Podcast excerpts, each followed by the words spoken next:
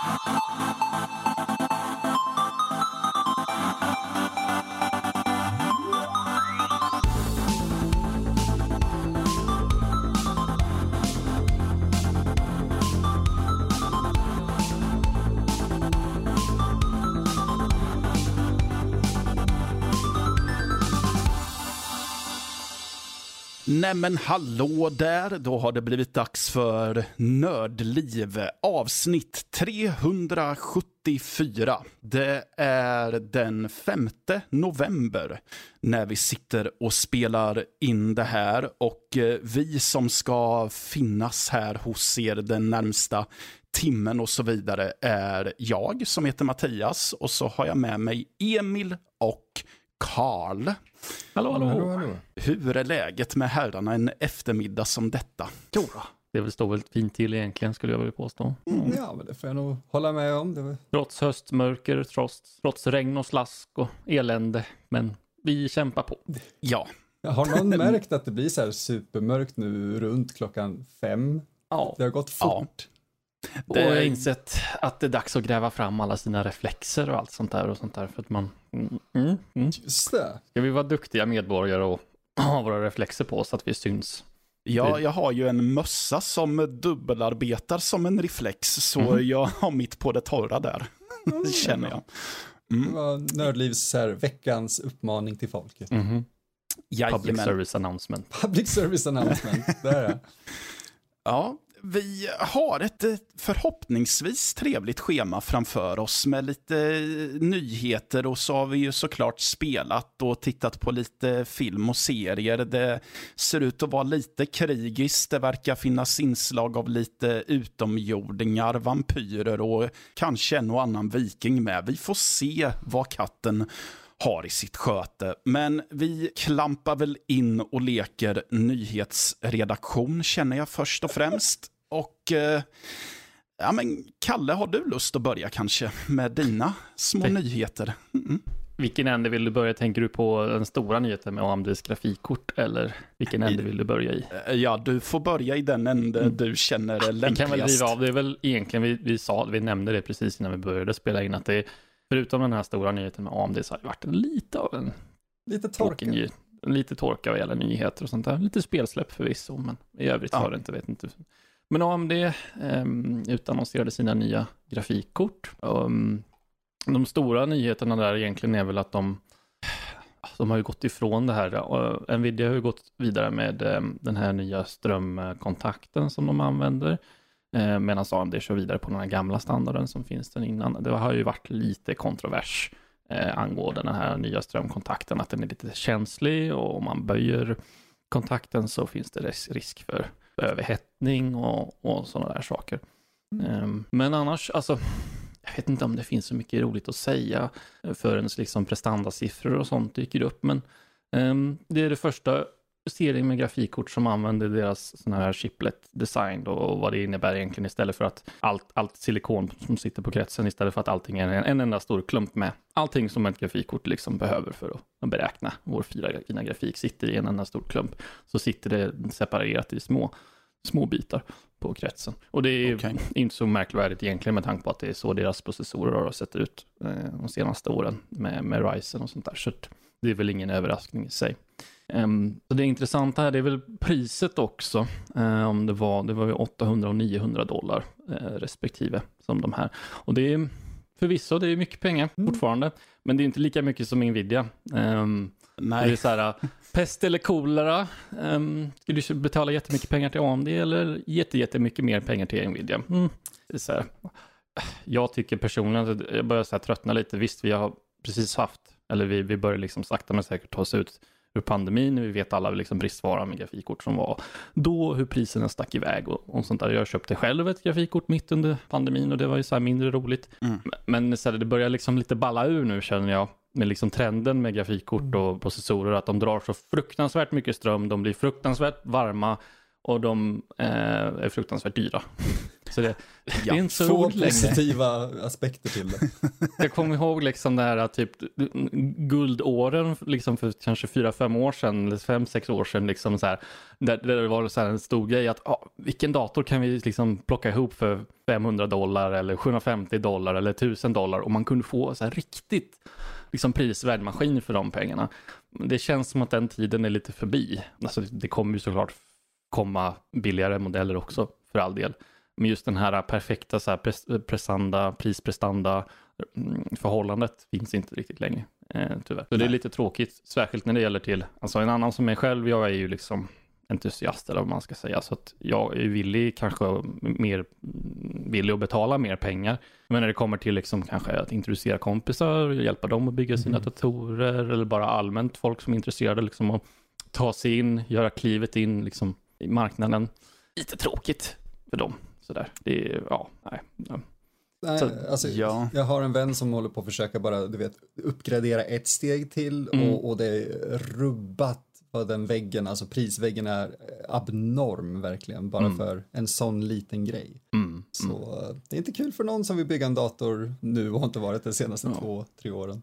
Med tanke på att komponenterna kostar väl som en dator gjorde för Mm. Några år sedan. Och bara storleken på grafikkort. Och nu såg du AMDs kort, de såg inte så farliga ut, i alla fall vad man kunde se när de presenterade dem, liksom höll det till handen.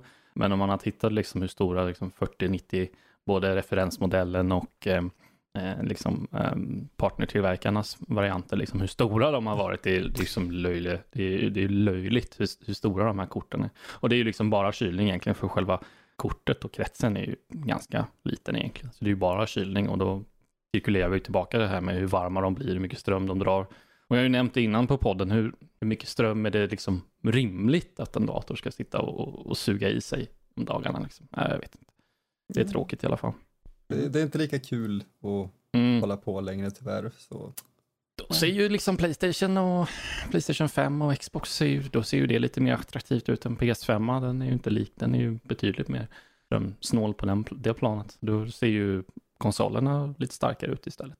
Det är ju sant. Det gäller ju bara att få tag på, en, Mm. om man nu vill ha en Playstation 5 i alla fall. Då börjar Ja, de bli det. lättare att få tag på nu. Ja, alltså, sakta men säkert. Jag har Ja. sett att de börjar liksom finnas i lager.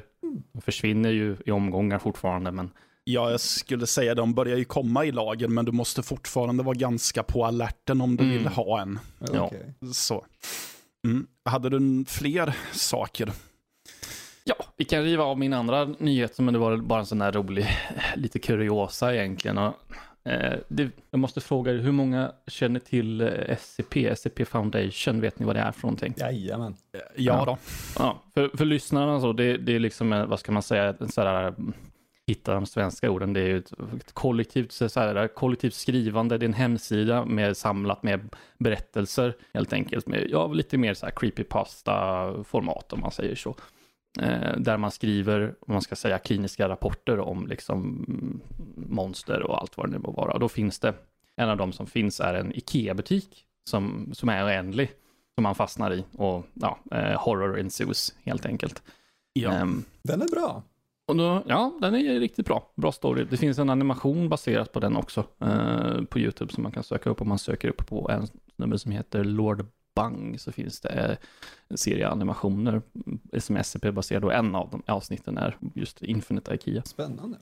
Um, starkt rekommenderat. Och det finns ju en hel drös med liksom fanspel baserat på, på det här SCP-universumet och då är det någon som har bestämt sig att ta sig an och göra ett på det här baserat på Ikea. Och det är, man ser ju att det är tydligt är en Ikea-butik i spelet, men det, de har ju inte använt namnet och, och så vidare i, i spelet. Men det här tyckte Ikea inte om, för det inkräktar ju på deras varumärke och så vidare. Så de har ju hotat med att, stämma skiten ur dem. Det är så här tråkigt, det här är ju en historia som man har hört några gånger innan. Ehm, så här, stora företag som ger sig på, på, på spelutvecklare eller typ, ja, filmskapare eller whatever.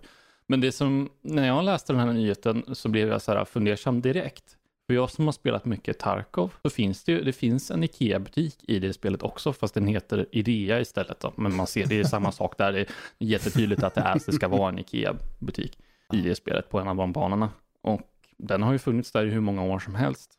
Vet inte om det har något att göra med att utvecklarna, de är ju från i Ryssland, så de kanske inte kan nå dem på samma sätt rent juridiskt. Kanske inte går att stämma dem lika lätt eller någonting, men mm, ja, det är skumt.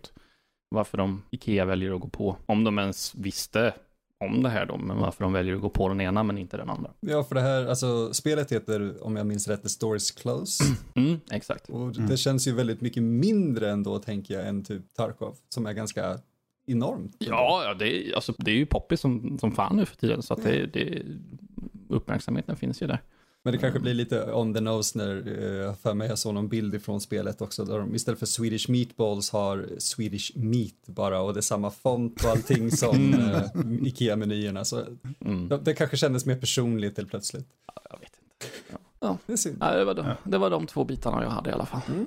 Det var de två. Ja, Nej, men jag har tydligen dragit på mig en drös så jag ska försöka vara lite effektiv nu när jag hoppar in och säger nu är det min tur. Mm. ja, eh, God of War släpps ju ganska snart, God yes. of War Ragnarök. Och Sony har väl försökt att bygga lite hype eh, sista tiden nu med lite intressanta trailers Uh, först har vi en uh, trailer där vi ser Ben Stiller iförd en Kratos-kostym. Vi ser även LeBron James, som är en basketspelare, och John Travolta sitta med sina barn i en cirkel och så har de någon slags gruppterapi för fäder och deras barn. Eh, det, ja, det, det, ska ju vara tokroligt, men jag är ju inte världens största Ben Stiller-fan, så jag slutade lyssna någonstans efter Leviathan Axe, vilket var typ i början, i stort sett. Den enda jag, jag har inte sett de här spontant så känner jag att jag inte vill göra det heller. Mm. Nej, och det är lite så här att det, det, dyker upp lite klipp ifrån spelet, men annars är det lite så här, vad, vad, är, vad är det här för dåligt skämt egentligen? Ja, jag uppskattar ändå att de verkar ha lite humor, men det enda jag köper här är att John Travolta som en där konstig Kratos karaktär hade ju varit ganska fantastiskt. Ja, och nu är det Ben Stiller som är Kratos. Ah, inte ens John Travolta fick vara det. Ah, nej, det nej. Och jag menar, John Travolta är åtminstone skallig. Ja, exakt. Jag kan se honom stå och skrika på det här Kratos-viset. Ja, och så finns det ju en som däremot är mycket roligare tycker jag, då är det en japansk trailer till eh, God of War Ragnarök. Där, mm. där vi ser en, eh, en snubbe rulla in framför en dekor som ser ut som en slags tecknad park ifrån ett barnprogram. Han rullar in i något hjul och så skriker han ett barbarskrik och sen så kommer, försvinner hjulet, han blir stående. Två andra killar kommer in och så börjar de dansa och sjunga till någonting som låter som en japansk version på eh, Fader Abraham. Och, det är ju underbart egentligen. ja, ja. Men man, man, man fattar ingenting vad det, är av med God of War. Båda de här delarna liksom. Det är fortfarande reklam båda två, men det ena ja. känns ju betydligt mer genuint än det andra. Ja, ja, ja. Liksom. Och, eh, och det är först några sekunder in som de faktiskt klipper in klipp ifrån spelet. Annars hade man nog inte förstått grejen överhuvudtaget. Men det här var faktiskt väldigt charmigt och väldigt kul. Och jag rekommenderar den. Man kan hitta den på YouTube med titeln God of War Ragnarok Japanese Theme Song Commercial. Eh, jag, jag, måste hålla med Kalle där lite grann bara, att det här känns ju mer genuint än när man tar in större namn som inte alls är kopplade till någonting, kanske bara för eh, mainstream appeal. Jag säger mm. inte att det är fel, men det känns inte, det känns inte som att hjärtat är på rätta platsen som japaner som sjunger en temalåt Riktigt. Ja, ja, ja alltså det, det, det kändes mycket mer genuint här. Mm. Kanske lite mer nischad nyhet sånt där, för det är en, mm. kanske inte alla som känner till honom, men just relaterat till God of War Ragnarök så såg jag på Twitter häromdagen att uh, han röstskådespelaren som heter ProCD, eller Sung One tror jag han heter, mm. um, han är med och gör röst till en av karaktärerna i, i, i spelet. Eh, Mm. Så fick han lov att annonsera ut häromdagen. Så det är, ni som vet vem det är, han gör ju lite roliga sketcher och sånt på YouTube plus röstskådespelare i massa spel. Så det var jag Mm. betydligt mer gladare att se än Ben Stiller och, som gör reklam för, för spelet. Mm. Tveklöst. Eh, det har ju varit väldigt mycket utannonseringar och dylikt med, med spel som inte har släppt datum och så. Men ett spel som har fått släppt datum nu är Atomic Heart. Eh, ett ryskt lite eh, Bioshock-doftande spel som utspelar sig på i 50-talets Sovjet där robotar löper amok. Eh, ser väldigt intressant ut. Det har nu fått ett släppdatum i form av Ja, den just det. 21 februari här, ja. 2023. Mm. Jag minns Så. att jag har hört namnet en del. Hur, det har väl varit utannonserat ganska länge va? Det har varit utannonserat väldigt länge, men på grund av ganska rimliga anledningar så har det ju drabbats av eh, förseningar den senaste tiden. Men nu verkar de helt plötsligt hitta en, eh, ett fönster där de kan släppa det i. Vet vi vilka som är utgivare? Eh, Focus Entertainment. Mm. Okej. Ja. Och så är det utvecklaren Mundfish som jag aldrig hört talats om innan. Mm, men de verkar, det var just det jag var intresserad av att se vilka som är utvecklare och jag förstår mig som att de är rätt så nyetablerade. Mm. Mm. Eh, Etablerades 2017. Mm. Okej. Så. Ja, ja, men eh, jag har haft det här på min radar ett tag så det ska bli intressant att Mm. äntligen få Det se hur det blir. Mm. Eh, ja, vi kan väl ta lite prequel-prat också. Eh, Mhm. John Wick har ju fått tre stycken filmer vad jag vet och så är det en fjärde på gång. Eh, jag kände väl efter att jag hade sett tredje filmen att ja, nu kanske det är dags att sluta men eh, det kom en fjärde. Jag vet Eh. inte, jag känner mig lite, ja förlåt att avbryta Mattias, men Ja, jag, jag känner mig fortsätt. lite kluven med, med John Wick-filmerna just att det, det, det, det är sån guilty pleasure för han, vad heter, nu, nu glömmer jag bort namnet. Keanu Reeves. Reeves. Keanu Reeves, han har ju sagt det, så länge fansen liksom vill ha fler John Wick-filmer så kommer han ju liksom göra dem. Ja, Eh, och, och de är så här, det är inte särskilt highbrow någonstans, men de är ju underhållande för vad de är. Ja. Typ. jo absolut. Ja. Eh, Men det, ska ju, det är inte det enda som kommer med John Wick 2023, utan det kommer även en prequel som heter The Continental, Mhm. som är en serie som kommer att komma till En Amazon. Pr- Ja, som Mhm. kommer att komma till Amazon Prime. Den kommer att utspela sig på 70-talet och handla om hotellet där Mm. lönnmördaren håller hus. Så vi får bland annat se en yngre version av hotelldirektören Winston Scott som spelas av Colin Woodell. Woodell ifrån The Flight Attendant. Men vi kommer även få se namn som eh, Ben Robson ifrån Vikings och Mel Gibson. Du, Ja. det är spännande. Ja, Mm. ja, jag tycker det. Det- Och den kommer komma någon gång under 2023. Och eh, det är Lionsgate som står för produktionen och har sagt att just Prime passar perfekt till den här serien. Mm. Mm.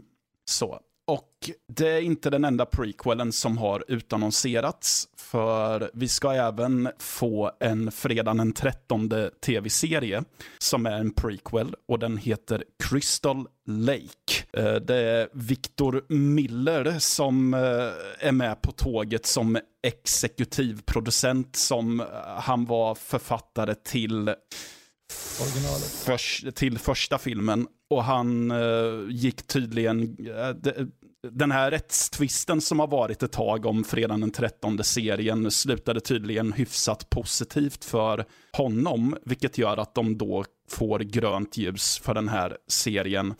Men konsekvensen är att de kan bara hämta material ifrån just första filmen. Men med tanke på att det är en prequel så förstår jag inte riktigt varför de ska vara och dalta i de senare filmerna heller. Men ja, som Movie Sign skriver så beklagar de sig över att vi kommer ju inte få se Jason i sin hockeymask. Mm, nej, då har jag sett typ uh, så här artwork som har varit med masken, men jag antar att det är fanart. Så de vet kanske inte vad det är de har att förvänta sig. Nej, precis. Och ja, jag vet, jag vet ärligt talat inte vad jag, uh, Kväv vad jag ska tycka kudde. om det här. Vad sa du? Kväv allt det här med en kudde, vi behöver inte mer.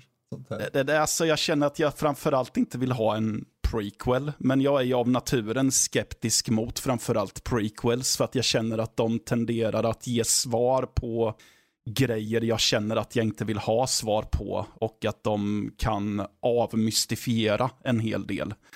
Ja, men det blir lite uh, den där lösa ett problem som inte finns. Ja, lite så. Jag, bru jag, brukar ju säga att det finns en anledning till att vi inte har fått en prequel eller en origin story om Clint Eastwoods revolverman i Leones dollartrilogi. ge, ge, ge det 10-20 år. Ja. Det, det kommer då... säkert komma och jag kommer hata varenda sekund. Ja, um, jag tror det med. Ja, så vi får väl se vad det blir med det, men ja. Eh, den ska tydligen gå på en streamingplattform som heter Peacock, oh. som jag aldrig hört talats om. Fattar som att den var lite mer horror... Mm. inriktad. Den är, tar sig an mycket genregrejer och den är väl snäppet under Shudder skulle jag vilja säga och Shudder är ju också så här att vi har inte den tillgänglig här. Nej. Vilket gör att den försvinner ur uh, eten lite grann för oss. Men uh, Peacock är lite on the uprising då. Är det samma sak med Peacock, att vi har den inte tillgänglig, eller? Det vågar jag inte svara på, men jag, jag, antar att det är lite åt samma håll, för det är väl rättigheter och hela den grejen med och sådär.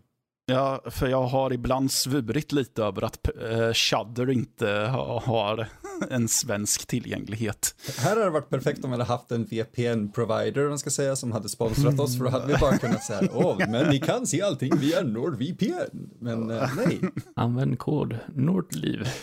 ja! Ah, 20% rabatt. se, se, se. Tre år för, ja, 20% mindre. Mm. Det är nice. Ja. Min sista nyhet är också väldigt eh, skräckrelaterad, för den handlar om en film som heter Terrifier 2. Ja. Eh, jag, jag, har inte sett den än, eh, på grund av att den är två och en halv timme lång. Du driver. Nej, och första filmen är ju, det handlar om en mordisk clown som mördar folk på jättebrutala sätt för, i första filmen. Den är, den är bättre än vad jag får det att låta som. Den är faktiskt ganska underhållande och extremt välgjord. Men så jag vart inte förvånad när den fick en, när det utannonserades att den skulle få en uppföljare. Men när de sa att den skulle vara två och en halv timme lång så sitter jag bara och tänker, men vem orkar se två och en halv timme med extrem skräck? Det känns inte, men det är inte därför jag pratar om den, utan det är för att eh, eh, producenterna i filmen har tyckt att det är en jättebra idé att skicka den här till Oscarsakademin. Den har tydligen mottagits ganska bra av en biopublik. Även om den får folk att skrika i fasa och kräkas och svimma tydligen. Bra men, recension för en skräckfilm. Ja, men och, Eh, nu ska vi se, Brad Miska som är, har producerat filmen och som även eh, jobbar på skräcksajten Bloody Disgusting har ju sagt att de är ju inte superoptimistiska om att det ska gå bra för den i själva galan, utan han säger att bakgrunden till att de har skickat in den här är bara för att sitta och fnissa åt att akademin måste sitta och genomlida en extrem skräckfilm de annars hade fnyst åt och sett eh, som att nej, den där filmen är, är under min värdighet att se. Extremt underhållande. Jag tänker ja, det... Steven Spielberg hemma med DVD-screeners eller vad han använder och bara ah, nu har vi sett den nya Extremely Close and Incredibly Loud och den heter åh oh, vad är det här? Ja. Terrifier 2. Kolla på den och, och tar en paus genom halva bara, fan, jag ångrar allt jag gjort med mitt liv.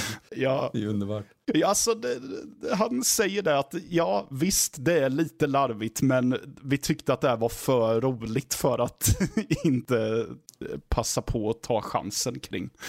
Så Ja, vi får väl se hur det blir där. Tänk om, eh, frågan är om de skulle se det som något lyckat eller som något misslyckande om den tas emot väl av akademin och sen går bra i galan. Uh, oj, ja, det, det, det, skulle vara så här dubbelhand, inte dubbelhandat svärd, tveeggat svärd lite grann. Mm. För ja. att det är ju nice att de äntligen i så fall accepterar en mer, alltså skräck, ytterst få skräckfilmer har ju någonsin tagits upp på galan mm. alls. Att de då i så fall skulle ta en extrem skräckfilm och snacka om den så, well, nice. Men å andra sidan, eh, helt plötsligt skulle det bli mainstream på något vis och hela den här indie-andan skulle förmodligen falla ur lite grann. Så, jo. Men det kommer aldrig ske. Det, det, det kommer aldrig nej, ske. Det, nej, nej, det kommer inte. Men inte jag... i våra fina Oscarsrum här inte. Usch, nej. Det... Usch, håller vi inte på med. Om, om ni vill veta mer om sånt kan ni lyssna på vår nu eh, ett år gamla intervju med eh, Lloyd Kaufman faktiskt när han pratar om att han inte blev välkomnad till Göteborgs filmfestival med sin senaste film för att eh, ja, det är trauma trots allt. Så det är fortfarande finrummen som gäller för endast för en viss typ av folk och vi andra vi får sitta i rännstenen. Där du hör hemma. Mm -hmm. Jag trivs jättebra där. Ja, ja, men då kan vi väl ta en rapport ifrån rännstenen då, Emil. Vad har du för, er, för nyheter att orda om? Jag kan väl egentligen ta upp en nyhet som jag tycker är intressant, eh, så vi inte sitter här och bara nyheter hela tiden. För eh, den är också skräckrelaterad. Mm. Och det är ju att eh, James Van kom ut idag, tror jag, eller för ett, inom ett dygn sen i alla fall och eh, bekräftade kan man väl säga att eh, dessvärre kommer vi inte få en spin-off-film av karaktären The Crooked Man ifrån Conjuring 2. En sån där karaktär som jag tror de flesta som såg filmen kanske kände att de ville se någonting mer från. Ja, så han är väl en av de mer minnesvärda aspekterna i den filmen känner jag.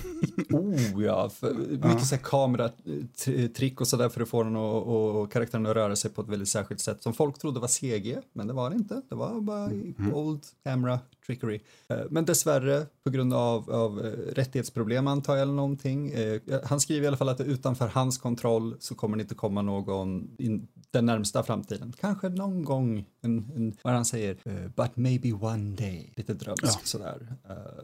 Vilket är tragiskt, men alltså det, det, hur många år har gått nu sen Conjuring 2 också, så det är lite så här, jag, jag tror the steam has run out of it lite grann. Ja, han skulle väl, den skulle väl ha kommit istället för den här The Nun i så fall, tror jag. För att eh, folk skulle ha brytt sig.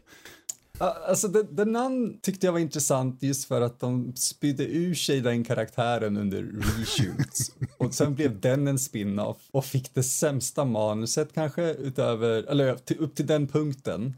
Förutom Annabelle möjligtvis. Och nu kommer en The Nun 2. Jag är så lost i det där universumet i vad som är kopplat till varandra och inte. Och jag älskar varenda sekund när jag tittar på dem.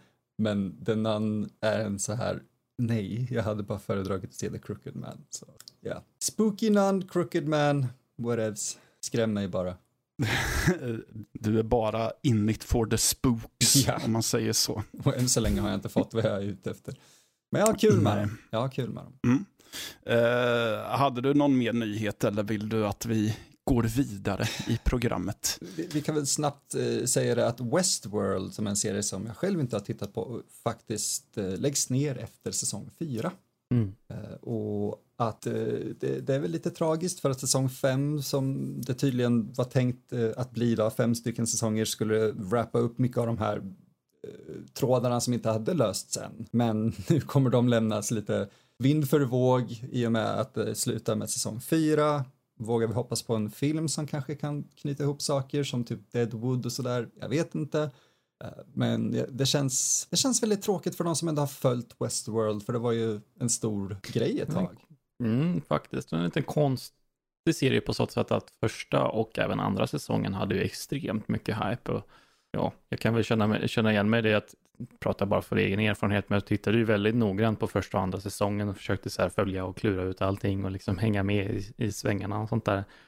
men sen så tappade jag intresset där för säsong tre, lustigt nog. Så, jag vet inte, det, det kanske är fler. Jag har inga siffror på det, hur liksom om eh, det har dalat, om tittarskapet har liksom dalat totalt eh, säsong tre och efter. Men det, kan, det måste ju vara något sånt som motiverar att de lägger ner helt och hållet. Tveklöst, mm. du, du, är absolut inte ensam om det, för det är just det de använder som eh, anledning. Mm. Att, att eh, tittarsiffrorna och engagemanget dalade efter säsong, eller under säsong tre där. Mm. Vad som hände, om de bytte en showrunner eller om det bara tog lång tid, Jag har ingen aning, men eh, beslutet blev då att pull the plug efter säsong fyra och för fansen är det väldigt tråkigt tycker jag. Skulle dock, Jag skulle dock vilja påstå att äh, även om man nu hör den här nyheten skulle jag vilja påstå att typ, åtminstone säsong ett, den kan lite stå på egna ben som en, en, liksom, en, en, en, alltså en, en egen story. Liksom. Det, mm. Visst, det lämnas ju öppna trådar och sånt där och den fortsätter ju uppenbarligen. Men ähm, jag skulle vilja vara påstå ändå att den är värd att se i sig bara. Just för att den, ja, den har en egen ark. Den har ju uppenbarligen en, en story som fortsätter, men den har lite av en egen ark som liksom som, som uh, spelar ut sig i säsong ett. Um, så bara, jag kan tycka att den är värd att se, bara den faktiskt. Uh, även om de nu, man inte kommer få ett, ett, ett slut på, på hela serien, serien i sin helhet. Folk tittar ju fortfarande på Firefly. Mm. Så ja. alltså, se första säsongen en chans i alla fall då, och se om ni vill fortsätta kolla. Eh, men var mm. då beredda på att Yeah. Ja, det här generella dalande intresset kanske förklarligt nog för min tanke, för jag trodde ju inte att serien fortfarande höll på. Ja. mm, när jag såg nyheten. Synd om HBO ibland, de har sina serier som får så enorm hype och intresse och så bara blö, dör det. Japp. De bara fubblar bort det, jag vet inte ja. hur riktigt, men eh, ja, det, det är vad det är. Ja, det är vad det är. Uh, ja, ja, men då stänger vi väl dörren till nyhetsredaktionen och så ska vi väl uh, redovisa tänkte jag säga, men prata om vad vi har pysslat med i veckan. Redovisade lät det som att jag skulle ha läxförhör med er. Mm -hmm. Men det kan vi väl inte riktigt säga att det är. Men... Ska vi gå igenom veckans glosor nu Mattias? Åh nej. Ja, precis. det var alltid min värsta farhåga. Mm -hmm. Uh, ja, men även om uh, vi har stängt dörren till nyheterna så känner jag ändå att, uh, Kalle, har du någon rapport ifrån västfronten eller är det väldigt tyst där? Det är väldigt tyst, inte ett nytt. Nej men um, nu ska vi se, den nya Netflix-versionen av um, På västfronten, inte ett nytt, kom ju. Nu ska vi se när vi spelar in det här så kom, då är det en vecka sedan den kom, mm. 28 oktober om jag vill minnas rätt. Mm. Har ni, ni herrar som ändå har en filmsmak, smak i film, har ni sett mm. de gamla versionerna av den här, uh, den här filmen? Originalet? Jag har, inte 30-talet då eller? 35, mm. 39. Ja, där ja, och jag har sett en nyinspelning som kom, jag kommer inte ihåg. Det finns en version från 30 och en från 70. Mm. Ja, då, Plus har, den här nu då. Då har jag sett den ifrån 70. Ja, anledningen till att Aha, mitt intresse var ju så här, alltså var högt för den här. Jag fick, vi fick se 70-tals, jag trodde faktiskt att det var 30-talsversionen först, men nu när jag gick mm. tillbaka och tittade så var det faktiskt den från 70-talet. Vi fick se mm. den från 70-talet i skolan. Mm. Samma på här. högstadiet någon gång. Eh, ja, förmodligen det... i samband med historia, då, första och andra världskriget. Liksom, eh, det var exakt samma kontext för mig, att vi fick mm. se den i skolan. Mm. Exakt den versionen. Så i förberedelsernas tecken så har jag gått för, tillbaka och kollat på, på de två versionerna då. Ehm, och, och, I och med att jag, de använder ju namnet så misstänker man ju att de ska nu följa eller liksom lite samma, eh, samma storyline och så vidare. Eh, men det, det, det utspelar sig, för de som inte har sett varken det ena eller det andra, de, det utspelar sig i det första världskriget. Vi följer en, en, det är en fiktiv person, en soldatkaraktär, men han är, han, eh, Paul som han heter, är ju i hög, allra högsta grad eh, baserad på, eh, man kan säga att det är, det är lite av ett hopkok av författaren och boken som är baserat på. Det är ett hopkok av hans upplevelser. Man skulle kunna säga att det är en sammansättning kanske av hans upplevelser och, och fler. Um, mm. Så det är, den här filmen, den, den, den börjar någonstans mitten av kriget, men liksom den huvudsakliga handlingen utspelar sig väldigt sent i kriget, alltså typ mm, ja, 1918 där någonstans. Och det, det står väldigt pyrt till för Tyskland. Eh, deras soldater dör i drevor, men de har ingen mat, de har ingen materiell, ingenting sånt där. Så att, eh, det det liksom kretsar sig kring är dels den här eh, Versaillesfreden, att de ska, tyskarna ska skriva på den mm, och hur ja, soldaterna fortsätter att dö helt enkelt under tidens gång och även efter vad de har skrivit på. Liksom. Ehm, sådär, så att ehm, jag vet inte, när jag har suttit och tänkt på det här fram och tillbaka, om jag, vilken väg jag vill gå med när jag vill prata med den här filmen. Å ena sidan så är den rätt så annorlunda, de andra två versionerna som finns. Och å andra sidan så är det inget fel i sig att den är annorlunda och går ifrån liksom källmaterialet lite grann. Um, så, så att jag, ja, jag vet inte vad, vad, vilk, vilken väg jag vill gå egentligen. Vi kan väl sätta en liten så här spoiler-tagg här nu, och som, om ni är ja. jätteintresserade av att se det här, så hoppa 5-10 minuter fram eh, från och med nu. Mm. Um, så man kan ju, du kan ju liksom, de som har sett och de som vet, man kan ju spoila med att han, eh, huvudkaraktären Paul, han dör ju i slutet och han gör det i alla versioner och sånt där. Yep. Och bara, som, som att bara sätta som ett, ett, ett, bra exempel på hur, hur det går till. I den här versionen så dör han, att de, de, de har skrivit, tyskarna har skrivit på den här Versailles-fördraget, freden då, men han har någon sån här galen general som absolut inte ska vara Paul från Hindenburg, men ja, skulle kunna vara en sån här krigsgalen general som inte aldrig vill ge sig, så de ger ut sig på ett sånt där sista liksom hopplöst anfall och då dör han där och det är jättedramatiskt och sånt där. Medan i i de andra, eh, i alla fall i 70-talsversionen, så, så dör han på ett mycket mer subtilt sätt. Han sitter, han har, han har varit och besökt sin hemstad, det har hänt grejer där, han, alla hans vänner har dött, liksom. han har ju han har fått lite av en fadersfigur i karaktären, en karaktär som heter Cat. Som har liksom mm, från start, från när han kommit till fronten, som liksom lärt upp honom och tagit hand om honom och de har blivit jättebra vänner och han har dött nu. Så att han är ju liksom, Paul han är ju mm, förstörd som människa mer eller mindre. Han har liksom ingenting kvar. Så att det som händer är att han sitter i sitt, i sitt, sitt lilla värn där och så ser han en, en fågel som sitter i ett halvdött träd och kvittrar. Och så ställer han sig upp eh, för att, jag antar att han ska rita av den eller någonting. Eh, Just det. Och så blir han skjuten och så mm. dör han. Och då, så slutar filmen. Och sen så kommer ju texten där på västfronten, inte ett nytt. Vilket för de som inte vet var det titeln kommer ifrån, det var ju rapporten den dagen som, som Powell då ska dö så är det ju det som, som eh, överbefälhavarna eller de generalerna skickar till, till eh, liksom, vad ska man säga, tyska generalstaben eller någonting. Bara för att visa att ha, vår huvudkaraktär dör, massa andra människor dör, men generalerna säger på ing, det, är, det är ingenting som händer, det är som vanligt. Liksom. Typ bara för att visa ju... hur men, meningslöst allting är. Liksom. Exakt, det var ett sånt där, eh, inte, vad heter det? Man använder det i media och nyheterna under kriget också, just att man pratar mm. om hur bra det gick på östfronten och där gick det bra, mm. där gick det bra. Mm. Västfronten, inte ett nytt. Ingen, mm. tjush, ingenting. Mm. Men Vi pratar inte. inte om vad som händer där. Precis. Mm.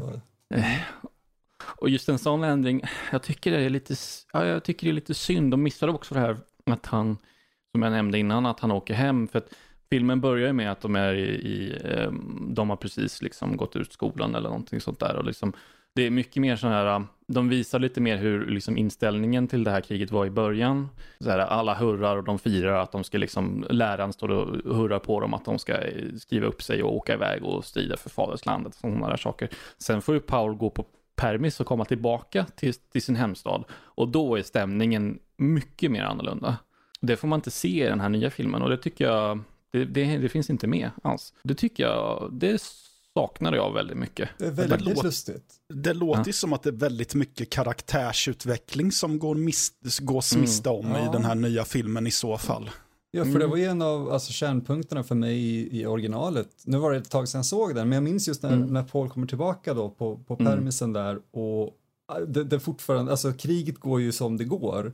Mm. Och det, man märker att allt är sämre i civilstad, eller ja, bland de civila Civilsamhället. Också. Civilsamhället, ja. Mm. Och mm. mm. Eh, ändå så är det mycket så här, välklädda äldre män som diskuterar om att mm. så här, ska, så här går det till, så här ska ni göra. Och Paul så här, mm nej det är absolut inte så det funkar. Ah, du är för mm. ung för det här. Och han bara, mm. ni skickar ut mig. Han har varit mitt i, i gröten liksom. Och just den här mm. propagandalögnen så att soldaterna tror att de lever i misären för att folket hemma ska ha det bra.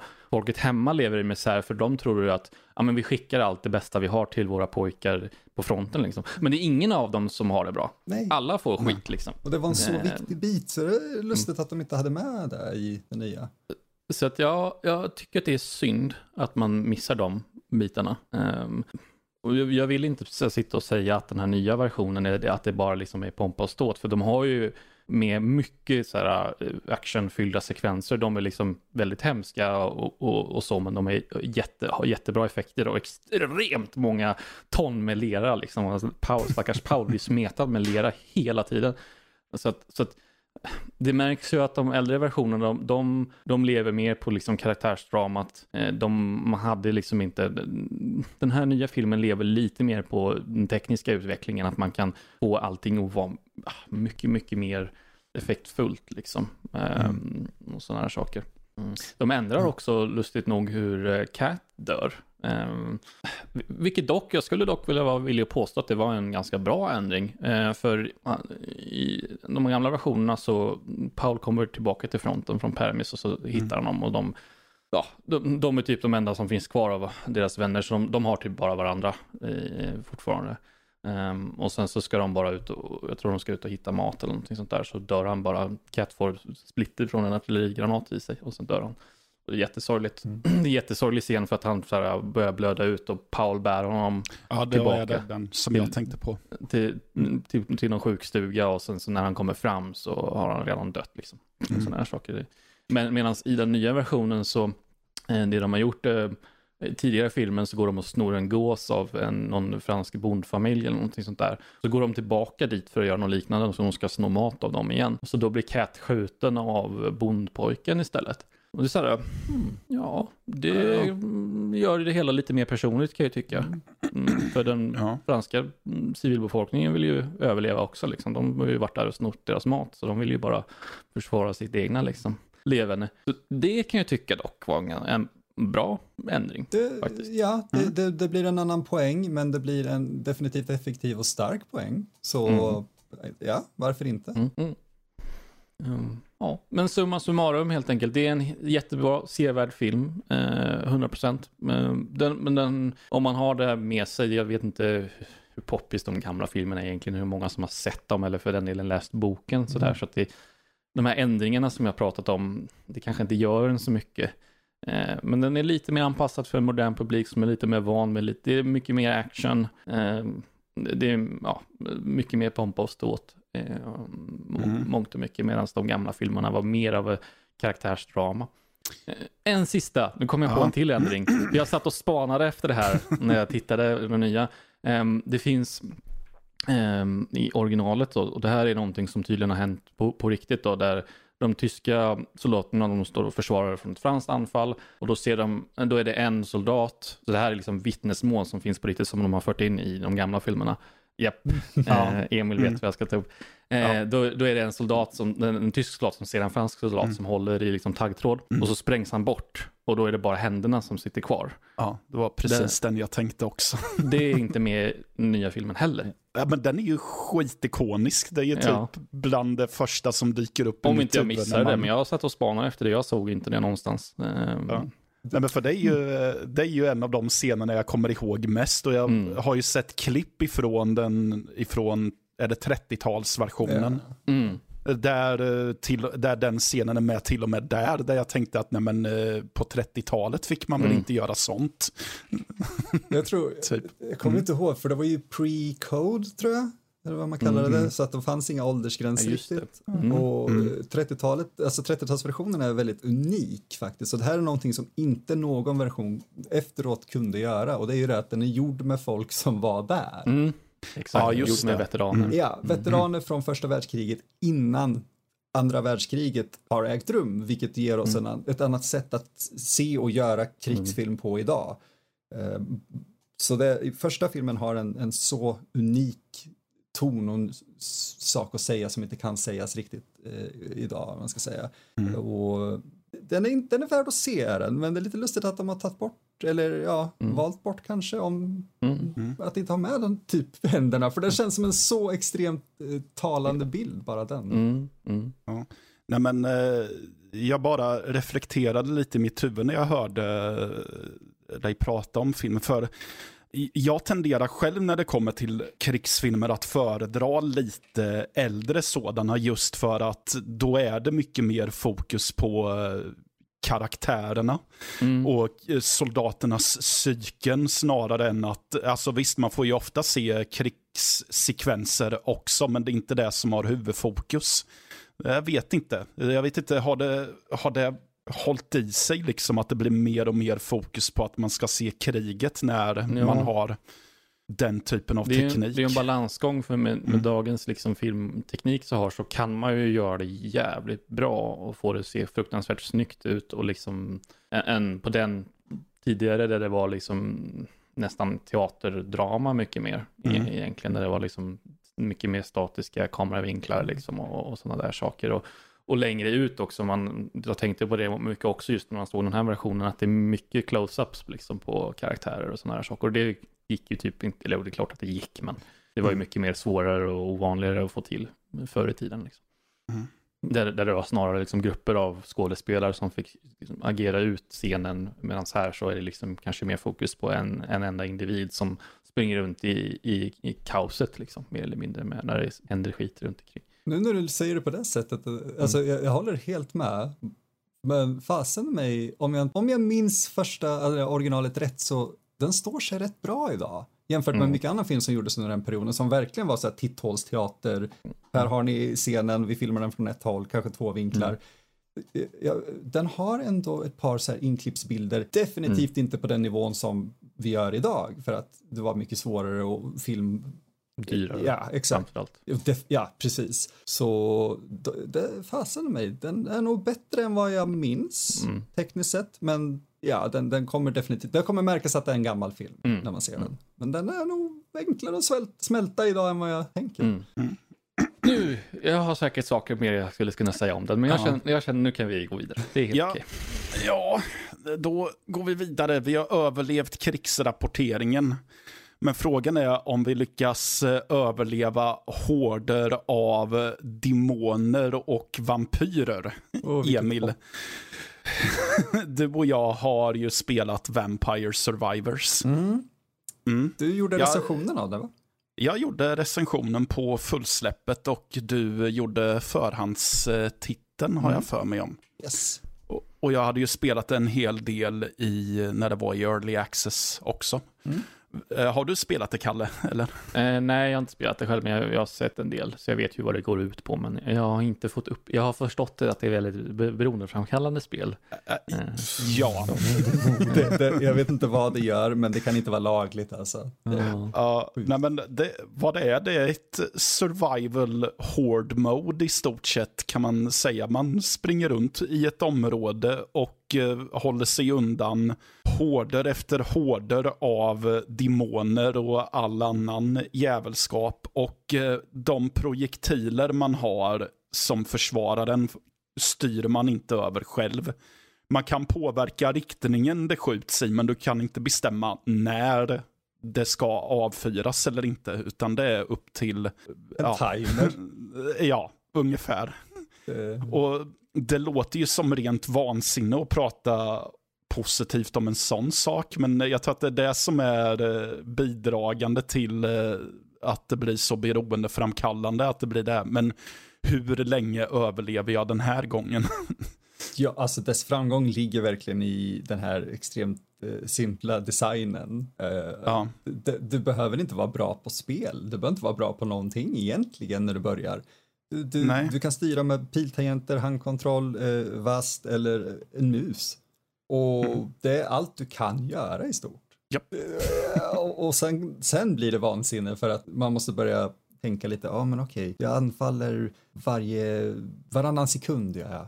Om, om jag kommer nära en fiende då, då kommer jag kunna besegra den och sådär. Och just, just det här att det bara sker, om man ska säga, det, det styr inte alls flödet av striderna, är det som driver det hela framåt. Och Mm. jag har inte suttit med ett så arkadigt och beroendeframkallande spel på, jag vet inte hur länge ärligt talat. Nej, alltså man får ju uppgraderingar successivt under omgångarna, så man kan ju planera lite framöver. Att eh, ja, men jag väljer den här så får jag en som en skyddande cirkel omkring mig så att jag kan hålla dem på halster lite längre. Och eh, det kommer ju upp eh, uppgraderingar som gör att ja, men under typ 3, 4, 5 sekunder så sprutar du eld omkring dig och lite så med. Ja, men det har lite schyssta power-ups och så eh, och, och massa ja, men små saker som förändrar flödet av striderna. Men det, det har också ett djup som jag inte alls var beredd på. Med, Mm. Det blir typ en story och det blir sätt man måste låsa upp, låsa upp vissa karaktärer som är bättre eller sämre på vissa saker. Och banor som också låses upp efter att du uppfyller vissa kriterier visar sig bli ännu så här lustigare och nästan, det blir som ett metanarrativ. Mm. Vilket jag inte var beredd på i ett arkadspel. Så det finns någonting där som hela tiden driver en framåt utöver beroendeframkallande gameplay. Ja, uh, det finns ju en faktor av slump i oh, spelet också. Gör det att uh, det, det, hänger väldigt mycket på slumpen också hur bra det kommer att gå i uh, omgången. Har du dålig RNG så är det ju över på en kvart liksom. Ja, och det är väl det som jag ibland kunde irritera mig lite på, men jag fattar ju att det också är en del av designen. Ja, för det, det, det, det, går så snabbt att komma tillbaka in i det också. Så det, är inte Hotline Miami snabbt, för att i Hotline Miami börjar du bara om banan med ett knapptryck. Här, ja. här får du en liten så här stat screen och, och, och sådär, vilket är nice för det är där man vill veta många gånger hur många monster har mördat den här omgången. Men det är bara att mm. trycka på start och sen är du inne igen egentligen. Så. Ja, du kan ju köpa power-ups på startskärmen mm. också som eh, uppgraderar kar alla karaktärer permanent. Ja, och du Så. kan även uppgradera karaktärerna specifikt om du besegrar mm. vissa uh, starkare fiender om man samlar på sig gyllene ägg. Typ. Det mm. låter jättelustigt när man förklarar det, men uh, ja. uh, jag vet inte om jag har, kan säga att jag har spelat någonting som påminner om det här riktigt innan. Just för att Inte de har tagit bort så mycket mekaniker och jag lämnar liksom bara essensen av vad ett spel, okej okay, du kan kontrollera det interaktivt. Ja. Ja, och jag gillar ju också att man har basically gjort ett sånt här casual eller nästan lite idle game där du fortfarande är engagerad och att du har en utmaning liksom. Ja, ja men det, när jag ibland går upp tidigt på morgonen så sätter jag mig med en kaffe och jag tittar på nyheterna och ibland vill jag bara ha något att göra med händerna. Mm. Uh, och, uh, ibland sitter jag med min vape, ibland har jag någon hand, inte hantel, någon sån här handträning eller någonting. Uh, hantel på morgonen när jag dricker kaffe, det hade låtit lite för badass, en nivå jag aldrig någonsin kommer att hamna på. Ja, det, det påminns som ett Simpsons-avsnitt och Homer går runt med en hantel och tränar upp sin högerarm och blir världsmästare i armbrytning typ. Mm, vi kanske borde satsa på att göra det istället för att spela Vampire Survivors medan jag fylls av nyheter. Just för att jag behöver inte bry mig jättemycket, men det ger mig någon tillfredsställelse ändå. Så mm. ja, det var ett av de här spelen som jag faktiskt köpte för fullpris för det kostar ingenting. Liksom. Jag, jag, tror när det var i early access kostade det 25 spänn och sen annonserade de prishöjningen och jag bara åh nej det kommer gå upp till 100 eller någonting, vilket är fortfarande värt det. 50 spänn! Jajamän. Mm. Det är skitbilligt. Ja, och, och, ofta på reor fortfarande har jag sett. Så jag, jag köpte det till en ja. vän och, och, han, han har problem nu. Eh, så jag köpte det till honom. Han, han har suttit med det alldeles för mycket. Så jag, jag... Ja.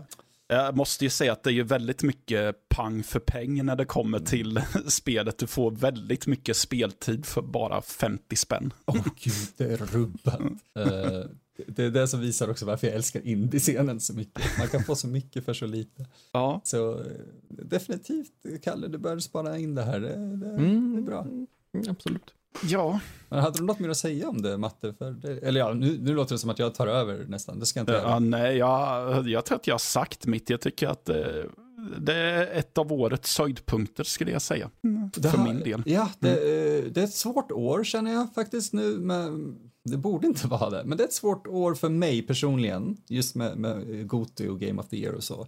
Det här hamnar nämligen på den listan. Mm. Men det går upp mot Elden Ring. Ja, det är sant. det är en svår sits, så man kan dela på det och säga typ okej, okay, trippel A mm, och, och eh, indie. Ja, yeah, okej. Okay. Men ja, det är svårt. Men det, det är mm. definitivt värt att spana in. Ja, eh, det om det. Um, jag undrar också, Valheim, det är early access fortfarande? Eller ja, är det i full version? Det är fortfarande early access. Ja. Vill jag minnas i alla fall. Ja, du har uh, upplevt Vi gjorde ett litet återbesök ja. till, till Valheim. Uh, nu, jag tror vi är färdiga med det nu dock. Alltså för, för den här omgången, inte så här färdiga, färdiga. Men Eh, jag har ju pratat om det spelet när det kom ut. Ja, det är fortfarande mm. access, men när det kom ut. Och det, det har ju hänt lite grann, alltså inte supermycket, men det har kommit en liten sån här content expansion som heter Hearth and Home. Så det har kommit lite mer inredning och sådana där saker. Och det finns väl inte så mycket mer nytt att tillägga. Det, det är lika mysigt som det var förra gången. Um, mm. Bygga sin lilla vikingby, man samlar ihop sig, går ut på äventyr tillsammans liksom. Um, och eh, samla resurser och döda monster och, och allt möjligt. Mm. Det är en sak som jag Ja, Nej, det, det bara slår mig just att jag var med när du pratade om det i podden, den, mm. när det hade kommit där, för att det blev ju en sån där toppsäljare på Steam, mm. verkligen. Så... Som, i hel, som in i helvete. ja, så det, det, det, är lite lustigt alltid när de här enorma toppsäljarna nästan försvinner ur, ur det kollektiva mm. medvetandet sen. Men, mm. ja. ja, men de har ju eh, sagt det innan. Jag tror Iron Gate som har gjort det, nu vet jag inte då, men när det kom, nu vet jag inte hur det ser ut nu, men när det kom så tror jag de, jag tror de bara var typ fem pers eller någonting sånt där. De var inte, det var inte en stor spelstudio. Ja, precis. Um, och de, var, de erkänner det själva att, oh shit, um, vi, har, vi, vi, kan inte liksom hänga med, så här, för när det blir så stort så, och liksom får en så stor publik så så förvänt, då får ju liksom spelarbasen får en viss förväntan att det ska liksom komma nya grejer hela tiden. Och det, det blir så mångt och mycket med, med många spel att man förväntar sig att det ska komma lite uppdateringar hela tiden liksom, och det ska hända grejer. Det, så har det ju inte riktigt blivit med, med det här. Liksom. Mm. De har ju släppt patcher, bugfixar hit och dit och, och den här en, en content update med Hearth and Home. Eh, men det har ju inte blivit mer än så liksom. Jag tror jag har inte sett någon särskild negativitet om det, men jag tror att liksom uppmärksamheten har liksom dalat lite just på grund av den, att de inte kunnat hänga med. Men å andra sidan så vet jag inte, de fick en jättefin boost i försäljning, de fick in liksom cash, de kan för, förmodligen kan de ju fortsätta utveckla det här spelet väldigt länge och det är jättekul. Mm. Um, jag ska, tänkte, jag för mig att jag pratade om det när jag kom och det var just det här med att um, att um, det verkar ju, det är ganska balanserat till att man är flera stycken som man kan spela tillsammans. Jag tror att det här, det hade inte varit den roligaste upplevelsen att spela själv, får jag upplevelsen om i alla fall. Um, jag har spelat med en kompisar så att jag, jag har inte provat det själv, men jag får liksom den känslan av att att det, det, är lite tänkt att du ska vara ett gäng som kan bygga på, en by tillsammans för liksom vad det gäller grind när det kommer till att hitta material och sådana här saker. Alltså att saker ting kostar mycket liksom att bygga om du ska ha rustning och vapen och, och så, så. Vilket gör att även mat och allt möjligt sånt där, vilket gör att jag tror att det, det, är lite gjort för att man ska vara ett gäng som man kan dela upp sig, ha lite olika ansvarsområden och sånt där och sen gå ut tillsammans och vara ett litet gäng när man kör mot de här bossarna som finns, de här olika biomes och sånt där. Så att, um, en rekommendation från min sida i alla fall. Mm. Att, eh, jag tror att det inte är så kul själv. Man kan ju fortfarande bara liksom chilla, bygga sin by och ta det lugnt liksom, om man vill. Men det kommer vara svårt att liksom klättra sig uppåt om man säger så. Mm. Mm. Har, finns det någon, eh, någon indikation på när de planerar att nu kommer spelet i full version eller? Nej, det kan jag inte tänka mig. Um, inte vad jag har kunnat läsa mig till ja. i alla fall. Det, nej. Är det många som spelar det fortfarande eller? Det är en bra fråga som jag kan ta reda på om du ger mig 30 eh, sekunder. ja, jag kan ge dig 30 sekunder. ja, för jag, jag, jag, tänker just Valheim svenskutvecklat då, men det är mm. ju asgrym boost de fick där så de kanske ändå har fått den här eh, om man ska säga ekonomiska grunden att stå på. Ja, men det hoppas jag. Ja, eller hur? Så tänkte... Fast det här är inte så dumt för, för att vara till typ av spel det är. Så de har um, uh, all time peak låg på 500 000. Mm. Vilket är oh, skit. Det är ju mycket. Men nu ligger de på, nu ska vi se, vad blir det? Typ average players senaste 30 dagarna 12 300. Och det, det är inte alls fy skam. Det är ju jag. en ansenlig summa tycker jag. Mm. Det reflekterar mm. lite att det inte är i, i, i fokus just nu, men mm. inget fel. Man ser, man tittar på kurvan här, man ser grafen här, så det verkar vara, tyvärr vara stadigt på väg ner. Och okay. tittar man så man ser också, det verkar som att det, folk kommer tillbaka till det varje gång det kommer någon större uppdatering här. Om man tittar att det, det blir lite hopp i, i spelarantal när det kommer nya saker. Um, jag, jag, vill inte kalla det för WoW-fenomenet, men, men det låter lite som när WoW släpper någonting. Mm. Så, ja, inte konstigt. Jag tycker mm. det är jättefint spel fortfarande. Alltså det, det, har, det är oerhört lugnande. Du, du har de här olika biomerna, alltså det här lummiga, liksom Meadows heter det, det här starterområdet. Så bygger du på din by och så är det lite lugn, fin musik i bakgrunden och du bygger på ditt hus eller din smedja eller sånt där. De har ju en oerhört smart, ett smart beslut som de hade. Du kan ju bygga sådana här teleporter i spelet som du kan liksom, ja, bygga på ett ställe och sen bygga hemma så kan du liksom teleportera dig snabbt mm. dit du vill. Men eh, de här viktiga materialen som man hittar, typ metaller och sånt, kan du inte teleportera.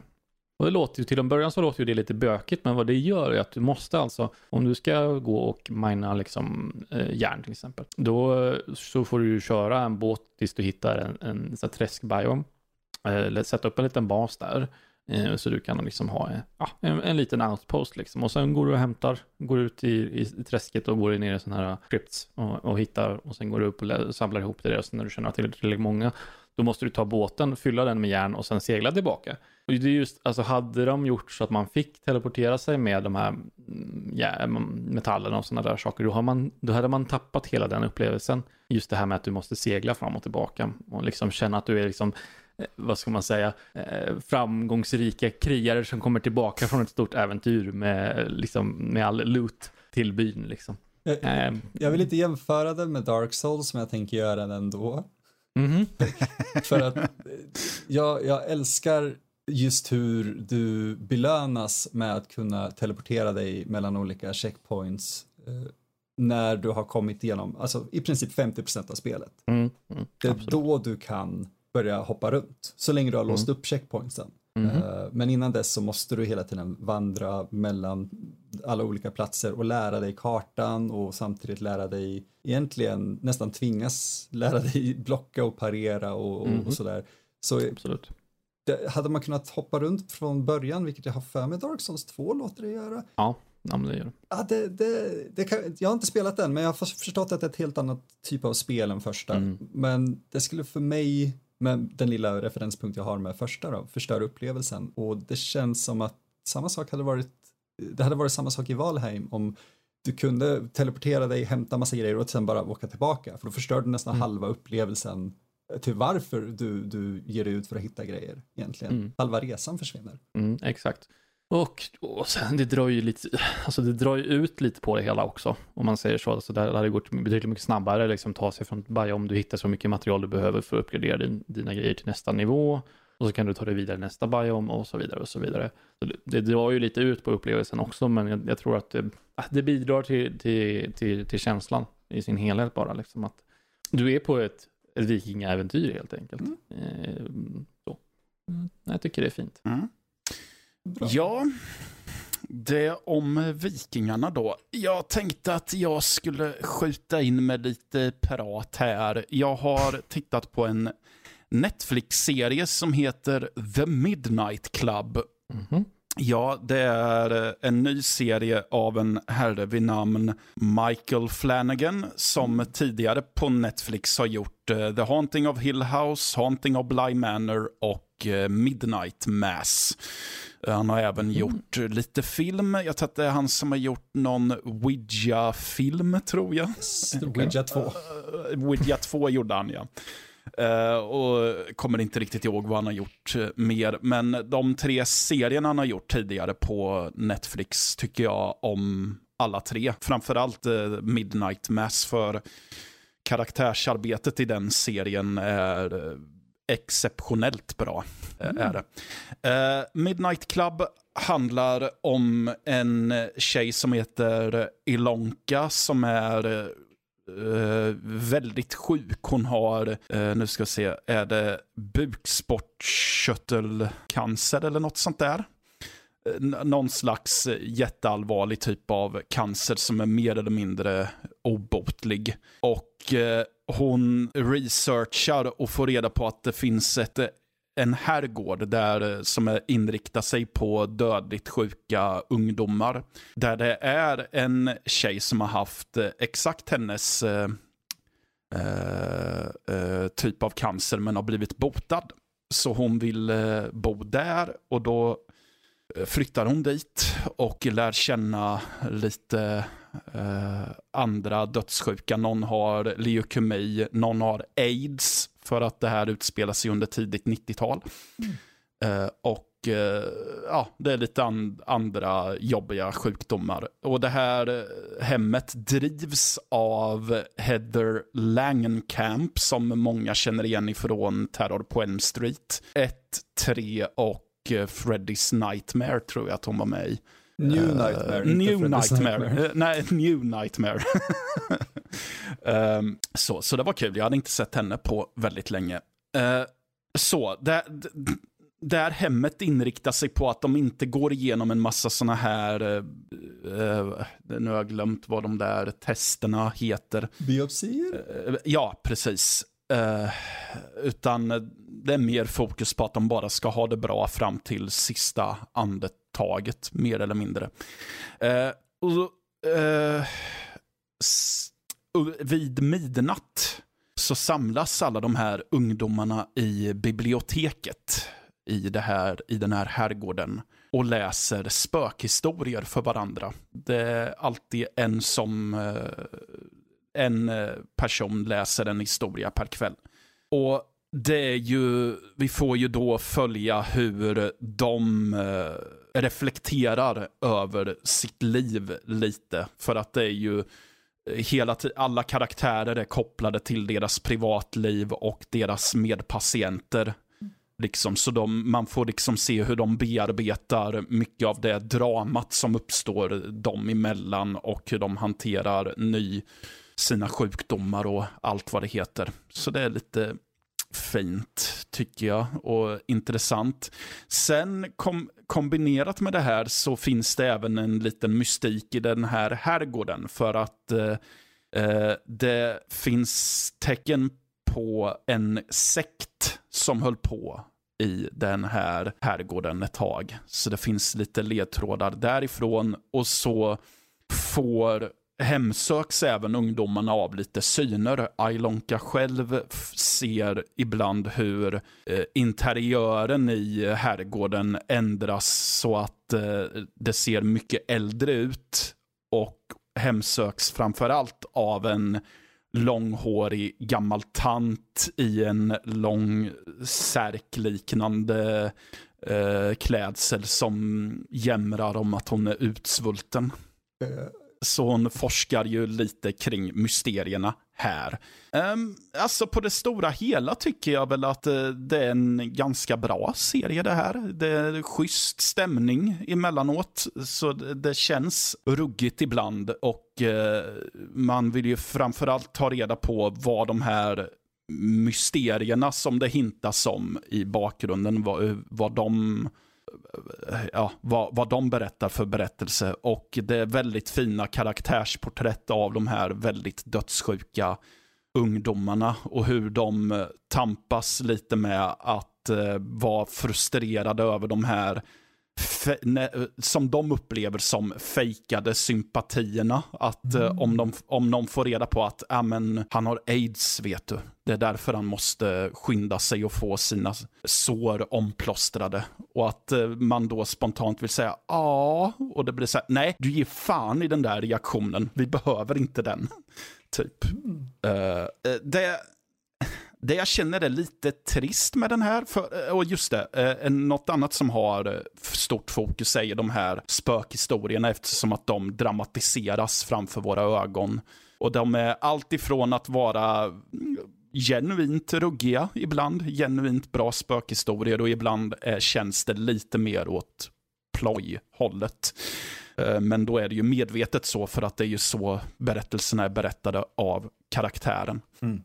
Så, men det jag känner är lite tråkigt det är just det mysteriet med den här mystiska sekten. För ja, det utforskas en hel del kring det, men när vi får aldrig riktigt någon upplösning på det, känner jag. Utan det mysteriet glider dem lite ur händerna och jag vet inte om den här ska få en ytterligare säsong, för han har inte gjort säsong två på sina tidigare serier, Michael Flanagan nämligen. Och han lämnar ju en del grejer öppet när serien går i hamn här. Bland annat är det ju då väldigt mycket av det här sektmysteriet han lämnar väldigt öppet. Så att det känns som att, men varför nystade vi i det här om vi inte ska få någonting eh, någorlunda tillfredsställande svar på det? Det är lustigt just för att han har hela tiden som du sa gjort limited series. Bara så att vi klargör ja. det att allt har, ja. har varit början till slut, inte oh, han gör en säsong och sen cancelas det utan det har varit en säsong i en miniserie och färdigt, man ska säga. Men här ja. låter det verkligen som att han gör en säsong och väntar på en till, vilket jag inte vet om jag gillar att han gör. Nej, precis. Och jag tror att det kan ju mycket väl vara så att det är första gången han gör en genuin säsong, mm. om man säger så. Och att eh, vi bara väntar på att det ska utannonseras en säsong två. Men om jag ska gå på hur det har varit förut så är det här allt vi kommer att få. Och då eh, det, det, påverkar ju betyget i så fall för att då är det, det, det är lite som eh, när säsong tre av Twin Peaks gick i hamn. Och eh, man började se tendenser till att han knöt samman en hel del trådar.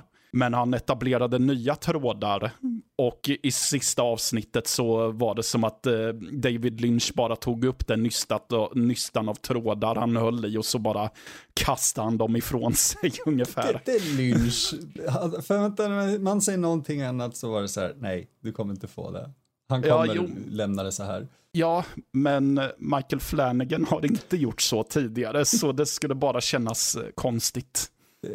Mm. Jag, jag, jag, satt hela tiden och bara väntade på att du skulle skämta om att uh, det jag saknade från det här var att de inte spelade Midnight Club eller någonting. Uh, så sekten kanske har tournaments av Midnight Club i biblioteket och det kunde de inte få rättigheter till så de kunde inte visa det. Det var ett ja. jättelångdraget dåligt skämt. Så. Eh, den, het, den heter ju Midnight Club för att de kallar sig för Midnight Club när de sitter och läser historierna för varandra. Men Rockstars eh, racingspel från tidigt 2000-tal mm. heter också Midnight Club. Så. Ja, nej, nej, det, det, tar, det, det tar de inte på. Ah, tusan. Ja, så. Ja, men, men på det stora hela, det är, en, det är en bra serie och jag skulle säga att, jag, att den är sevärd. Så ni kan få den som en rekommendation i alla fall. Nice. Mm. Ja. Eh, då ska vi se här. Emil. Ja. Vad är Minimetro? Det, är mitt andra, jag sitter och tittar på nyheterna på morgonen och spelar avkopplande spel. spel. Som också är fruktansvärt beroendeframkallande. Extremt! Det är löjligt hur uh, lätt man fastnar i det. Och väldigt fort kan jag egentligen bocka av vad det är. Man, precis som det låter, du styr en minimetro. Du bygger, uh, vad heter det, tunnelbanor genom kända städers olika system och det kan vara allt ifrån eh, att det ska bygga en linje över en eh, sjö eller en, vad heter det, en, en eh, Flod? Flod, ja. Och det finns ett till, ett, eh, vallgrav. För att jag tänkte det, jag tänkte alldeles för fel, låt mig. Men man behöver vissa tunnlar för det och du kan behöva en ny linje för att inte den ena linjen ska bli överbefolkad och sådär. Så det är väldigt mycket balans fram och tillbaka och väldigt enkel design, det, det vitt mm. eller lite så här gräddvitt om man ska säga. Mm. Off-white. Off-white, ja exakt. Och ändå färgglada så här linjer om man ska säga så man kan lätt skilja på dem. Och det ser nästan identiskt ut till de här skyltarna man kan se på tunnelbanor och spårvagnar. Mm. När man är, liksom är mitt i ett, det ser ju precis ut som en tunnelbanekarta liksom, som man är van att se liksom, med de här stilistiska liksom. Det är inte liksom ja, korrekt till skala eller någonting, utan man ser liksom, det är bara ritat liksom, där man ser vart alla linjer och stationer finns för någonstans. Ja, och det är någonting med det som verkligen tilltalar mig. Och mm. när jag då har tröttnat på Vampire Survivors så har jag suttit med, med det och det blir så här lömskt svårt. Mm -hmm. Bara man kommer upp ett par hundra eh, passagerare per dag. Men eh, jag ville bara ta upp det för att rekommendera något lite Det är väl också ett sånt där spel. Jag, jag har det också, har spelat också en hel del. Mm. Uh, jag vill minnas att det är väl också ganska billigt va? Ja, jag kan inte jag tänka mig att det är, alltså över 100 spänn kan jag inte tänka mig att det är i alla fall. Uh, 40 spänn. 40, okej, perfekt. Det, det var billigare än Vampire Survivors alltså. Damn. Ja, ja men där. Det finns en uppföljare till Minimetro som heter Mini Motorways också. Ja, det har, jag hört, det har jag talats om Som- också. Samma koncept fast du drar vägar och sånt istället. Oh. Ehm, jag skulle också vilja påstå att jag tycker bättre om Mini Metro. Men Mini Motorways är roligt också. Det utvecklar konceptet lite. Du har lite mer eh, saker att leka med. Men ehm, fortfarande ett bra spel. eh, det också. Men det kanske är risken. Väldigt sen. Ja, Mm, ja, men, Väldigt sen. det är, ju- sen är ju eh, fakt, liksom, de, de facto det jag är ute efter lite med Mhm. de här spelen. Och jag tror Minimetro uppnår Mm. sen-faktorn långt Mm. mycket lugnare och smidigare än vad Vampire Survivors gör. Mm. För det är mer enarmad bandit-tänk medan Minimetro till och med i sin väldigt enkla ljuddesign får den att koppla av lite grann Mm. faktiskt. Mm. Har du spelat Unpacking? Jag har inte gjort På det. tal om sen-spel. Inte gjort det, Ja. men jag har fått det rekommenderat till mig. Som, eh, Ja, ja, jo det är väldigt sen det också. Och, men eh, jag lyckas ju såklart bli irriterad på det likt förbannat. Ja, Jag ska inte säga det- att jag inte har force-quittat eller rage-quittat Minimetro också. Så. nej, nej, men för där var det mer, det, det handlar ju om att du packar upp flyttkartonger och möblerar ett eh, hus eller ett rum. Liksom. Det, det jag har varit frustrerad på är att eh, spelet var så fruktansvärt eh, envist om att var sak verkligen hade sin plats. Mhm. Så, och kom inte överens med mig om att nej men den där saken kan inte ligga där, fattar du väl, dumma spelare. Det känns lite kränkande. Ja, ja väl lite så. Ja. Eh, ska vi se vad vi har mer här. Jag, jag vill bara slå ett slag för jag Mm. är väldigt nyfiken på att höra vad Karl har att säga om eh, sitt sista ämne i alla fall i raden där jag ser. Mm. Eh, är det att han har lekt lite gitarrhjälte du tänker på eller vad? ja Mm. det var ett tag sedan man hörde något om Tänkte det var en det. rolig grej. Ja. Jag ville kasta in bara. För Ja. Jag var hos en, eh, en, en kompis vi skulle umgås och öla lite bara, så hade han, han hade gitarrer då. Och ehm, jag vet inte om mycket jag har pratat om det, men det var ett spel som jag eh, la lite för mycket tid på i mina tonår. Det gjorde vi allihop. Jajamän. när det var Hade jag lagt så mycket tid på gitarrer som jag lade på en riktig gitarr så hade jag nog varit väldigt duktig på att spela gitarr nu. Eh, Men det är väl det man brukar säga om gitarrer och kanske det. det är väl Om det mesta. Ja. Mm. Eh, nej men, eh, alltså, det var roligt att komma tillbaka till det. Han hade Guitar 3 och eh, Guitar World Tour. Eh, och det var bara, mest bara roligt att se hur mycket det satt kvar liksom. Mm. Jag envisades ju med att spela på svåraste liksom, expert och jag kunde så här, jag sa det, ah, vi testar, hoppar in direkt och så bara, ah, fan det sitter rätt så bra ändå. Ah, det, det gick bra. Det gick bra att spela. Um, synd att den, alltså jag vet inte om den serien hade levt kvar så mycket ändå, men den utsattes ju lite av Activisions, vad ska man säga, envishet att pumpa ut spel efter spel efter spel. Det var ju extremt så mycket gitarrer och kom där en tag. Ja. Samtidigt så var det låg väl kanske lite i tiden också. Jag vet inte om det hade funnits kvar idag, om de kanske hade tagit det lite pianot. Det, jag kommer inte riktigt ihåg, det dog ju där någonstans med, eh, jag kommer inte ens ihåg vilka som var det sista, men, men ja. Ja, det var då de började fokusera Mm. på de här alltså väldigt specifika banden, typ Metallica, Mm. Green Day, Be- äh, Beatles var ju rockband, men bara Mm. där, rockband fanns också. Aerosmith och lite så. Aerosmith. Ja. Ry- Rytmgenren, ja, ja det här, det är lite så här, äh, hö, lite högre barrier to entry här, men det finns, alltså det här typen av rytmer, det, det lever ju kvar lite smått. Det finns, eh, Rocksmith Mm. finns ju, och det har kommit Rocksmith Plus har ju kommit för ett tag sedan. Ehm, Det är ju dock någon, som, någon form av liksom, ja, prenumerationstjänst och sånt där som man måste betala. Men Ja. där kopplar du in en riktig gitarr eh, och ska Exakt. spela. Och det är jag väldigt nyfiken, alltså mm, du måste ju dock köpa en riktig gitarr och ditten och datten, så att, som sagt, Mm. barrier to entry det är lite högre. Ehm, men jag är väldigt nyfiken hur långt man kan komma och lära sig, i och med att det är ju en sån där sak som man har tänkt, man sitter och lyssnar på, på sin musik och bara, ah, fan vad coolt det hade varit att kunna spela det här själv. Ja. Och jag kan inte spela gitarr för fem öre, men det hade varit kul att se hur långt man kan komma just med att jag hade ju World Tour och trummor och sånt där eh, till gitarrer och, och det är ju någonting, om någonting så är ju det som var närmst den eh, äkta varan om man säger så, spela trummor. Visst, trumsetet i sig var ju inte så realistiskt, men just det här med att faktiskt lära sig att hålla takterna och spela Ja. sånt där, det, det är ju ändå det närmsta man kunde komma i, liksom i, vad gäller de spelen till att sp- spela det riktiga instrumentet. Och jag blev helt okej på att spela trummor och liksom kunde sätta mig vid ett vanligt trum, då i alla fall, det var jättelänge sedan nu, men eh, kunde sätta mig vid ett trumset och hålla en takt liksom och, och sådana där saker. Så just det här vad, vad som finns potentialen i att, att, alltså, mm, att, att, lära sig i ett spel, eh, att spela ett instrument. Jag undrar om hur, hur långt man kan komma på det. Eller hur?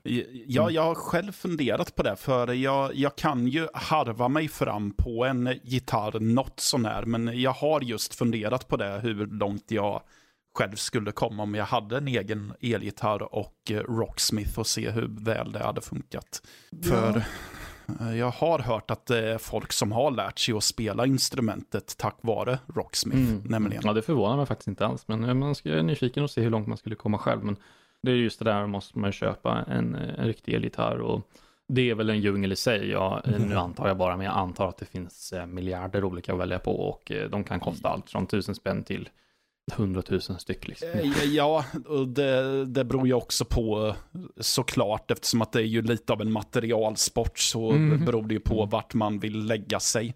Ja, För det, det, finns ju extremt billiga elgitarrer, men då mm, är väl inte världens bästa gitarr.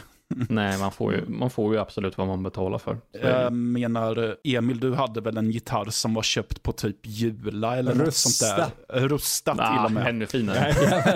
ja, det var just det och det var, väl en, det var väl en vän som skulle försöka stämma den ordentligt och han sa att nej, det här är en så kass gitarr så den här stålgrejen som sitter i eh, halsen på elgitarren är fuckad så den här måste typ in på någon ordentlig service. Fan, helt mm. sjukt att du kommer ihåg det, för det, det var exakt det jag tänkte ta upp, att ha, mm. typ halsen var böjd på den.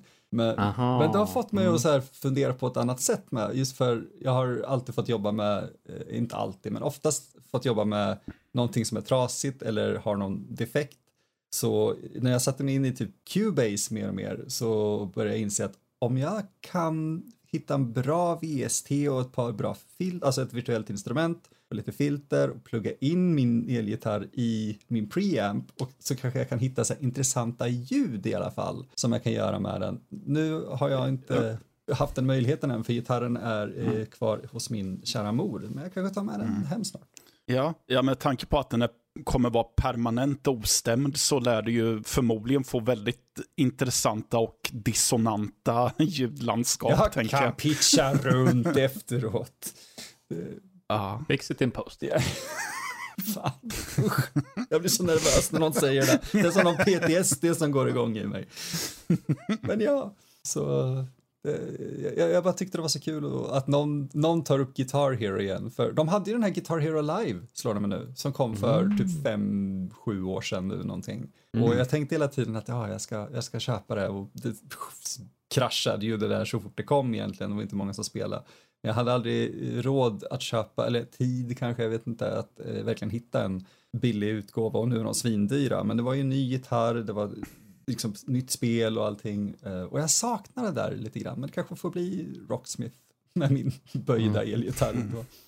Skulle, det, skulle det finnas en marknad för ett nytt Guitar Hero? Jag är ytterst tveksam ja. faktiskt på det. Jag tror inte det. Nej. Jag tror Nej. rytmspelen, den st deras stora guldålder är faktiskt över, om jag ska vara helt ärlig. Jag, ja. jag, tror det kom under helt rätt tid med Wii och motion controls och mm. allting, eh, med accessoarer. Mm. Nu har vi ju Metal Hellsinger och BPM, ja, så rytmspel mm. har ju ändrats. Men... Ja, det, det var mm. just det jag skulle säga, att det görs ju fortfarande, men att man har, försöker ju maskera dem till andra typer av spel, som typ, det finns väl någon typ Dungeon Crawler som heter Crypt ja, of the Necrodancer ah, eller något ja. sånt där. Mm. Och så har Absolut. vi ju, som du sa, BPM och Metal Hellsinger. Inte att glömma också Beat Saber. Mm. Beat Saber är definitivt, det tror jag är steget med, med peripherals, som man ska säga, som mm.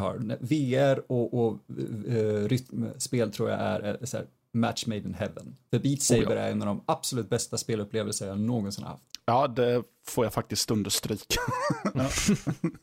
faktiskt. Ja, jag vet inte, har vi något mer vi vill prata om eller ska ja, vi? Ja, jag har flera ja. saker jag kan flika in med om du ja. vill. Ja, ja, by all mm. means. Jag eh, var ute i mitt förråd. Nu, nu kan jag bara visa er som sitter här, så det här blir jättebra eh, poddradio och så vidare. Ja. Men eh, jag var ute i mitt förråd för några veckor sedan och då hittade jag förbi farten mitt gamla PSP och så tänkte jag, ah vad kul, det plockar jag. Det var inte det jag var ute efter. eh, men jag plockar med det ut ändå, så ska vi se om det går att få igång det. Eh, Mm. Dock så hittade jag inte strömadaptern, så jag fick lov att beställa en ny. Eh, men det var sagt och gjort. Fick hem en ny strömadapter och fick igång den och funkar alldeles utmärkt. Eh, alla mina sparfiler fanns kvar och ehm, alla spelen som jag hade fungerade.